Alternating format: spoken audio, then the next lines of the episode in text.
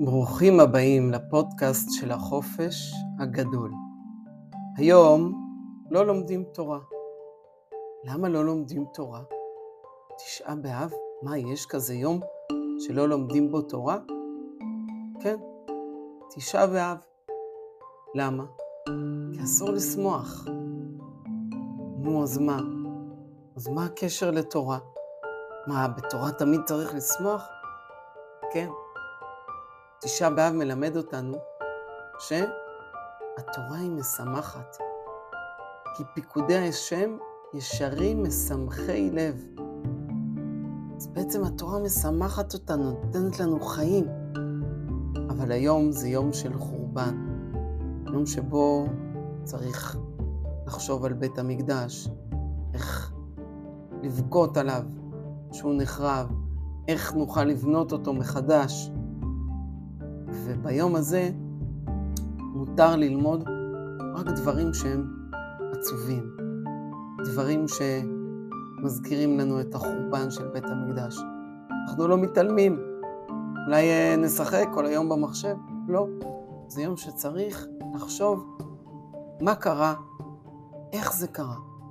אנחנו יודעים שבעם ישראל אין כזה דבר שקורה סתם במקרה, אלא הכל מכוון. לא רק הכל מכוון מלמעלה, הכל מכוון בגלל המעשים שלנו, בזכות המעשים שלנו. כלומר, השם שולח את ירמיה הנביא להזהיר את ישראל, אם אתם לא תחזרו בתשובה, יחרב המקדש. והם לא שומעים. הם פוגעים בעניים, לא עושים משפט צדק. השם אומר, המעשים שלנו, של בני אדם, חשובים. וזה משפיע גם על בית המקדש. וכמובן זה משפיע על בניית בית המקדש. אם נדאג לעניים, נדאג למשפחות חלשות, נדאג לחברים, גם שאין להם אה, הרבה חברים. זה מה שיוביל אותנו לבית המקדש. נקיים מצוות, נלך בדרך השם. איזה ספרים כן אפשר ללמוד בתורה? ספר איוב, שהוא ספר עצוב על כל הייסורים הקשים שעברו על איוב, ספר ירמיהו, על כל הנבואות הקשות שהיו על עם ישראל, והם לא חזרו בתשובה. חכמים מביאים גם אגדתות, סיפורים על החורבן. אולי נלמד עכשיו איזה סיפור. ודאי אתם מכירים את הסיפור על קמצא ובר קמצא. אז נספר סיפור אחר. אחרי שבר קמצא הלשין לקיסר, החליט הקיסר לשלוח את צבאו על ירושלים, בפיקודו של נירון קיסר. כנראה זה קיסר זוטר יותר, אה, פחות בדרגה מאשר הקיסר הגדול. כאשר הגיע נירון קרוב לירושלים, הוא ירה חץ לכל אחת מארבע רוחות השמיים. כל כיוון אליו ירה, החץ הגיע דווקא לירושלים.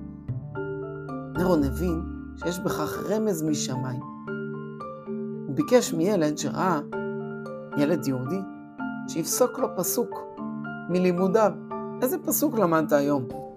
בתלמוד תורה, בבית הספר. הוא ענה לו, ונתתי את נקמתי באדום ביד עמי ישראל. נרון הבין שיש פה רמזים, כי כאשר הוא יחריב את הבית, את בית המקדש, הוא לא יקבל שכר מהקדוש ברוך הוא. מי שעושה כזה דבר לא מקבל שכר, למרות שהוא שליח עכשיו של הקדוש ברוך הוא אולי להעניש את ישראל ולהחריב את ירושלים. מקבל עונש. הוא אמר, מה? אני אעשה שליחות כזאת? לא. אני רואה שיש פה סימנים גדולים, אז אם הסימנים מובילים אותי לעשות משהו רע, ובסוף אני אקבל עונש, אני מבין שאני צריך לעשות משהו טוב.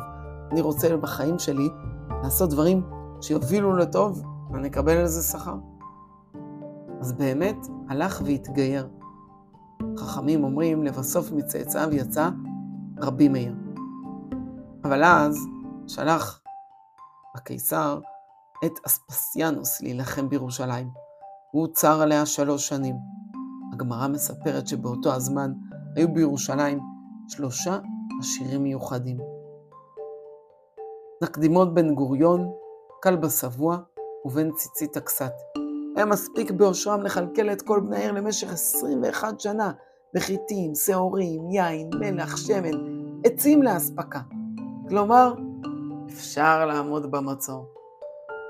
בגמרא מובא כי עשירים אלו היו משתמשים בהון שלהם, בכסף, על מנת לסייע לכולם. כך שנקדימון בן גוריון השתמש בכספו בשביל להביא מים לעולי הרגלים.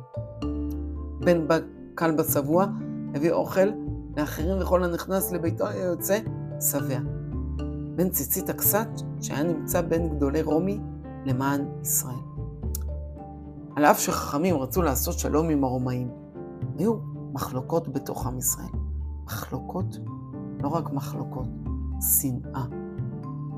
היו את החכמים, היו את הבריונים, שהיו בעיר ולא נתנו להם לצאת, של... לעשות שלום עם הרומאים, כי חכמי ישראל הבינו שהמצור הזה לא יעזור, כי זה בגלל החטאים של ישראל. והבריונים קראו לצאת נגדם למלחמה. החכמים אמרו להם, כן באפשרותם לצאת למלחמה נגד הרומאים. בתגובה הבריונים שרפו את האספקה שהייתה בירושלים, וגרמו לרעב על מנת להכריח את כולם לצאת למלחמה. אנחנו בימים אלה של גאולה, אנחנו בימים של צמיחה, של תקומת ישראל, חזרה ירושלים, אבל יש עוד הרבה מה לתקן, גם בשנאה בתוך עם ישראל. אבל אנחנו בתהליך של תיקון, מאמינים שלאט לאט אנחנו מתקנים ונביא שלום בתוך עם ישראל, ושלום גם לכל העולם, וייבנה בית המקדש במהרה בימינו, אמן. לא אומרים שלום בתשעה באב.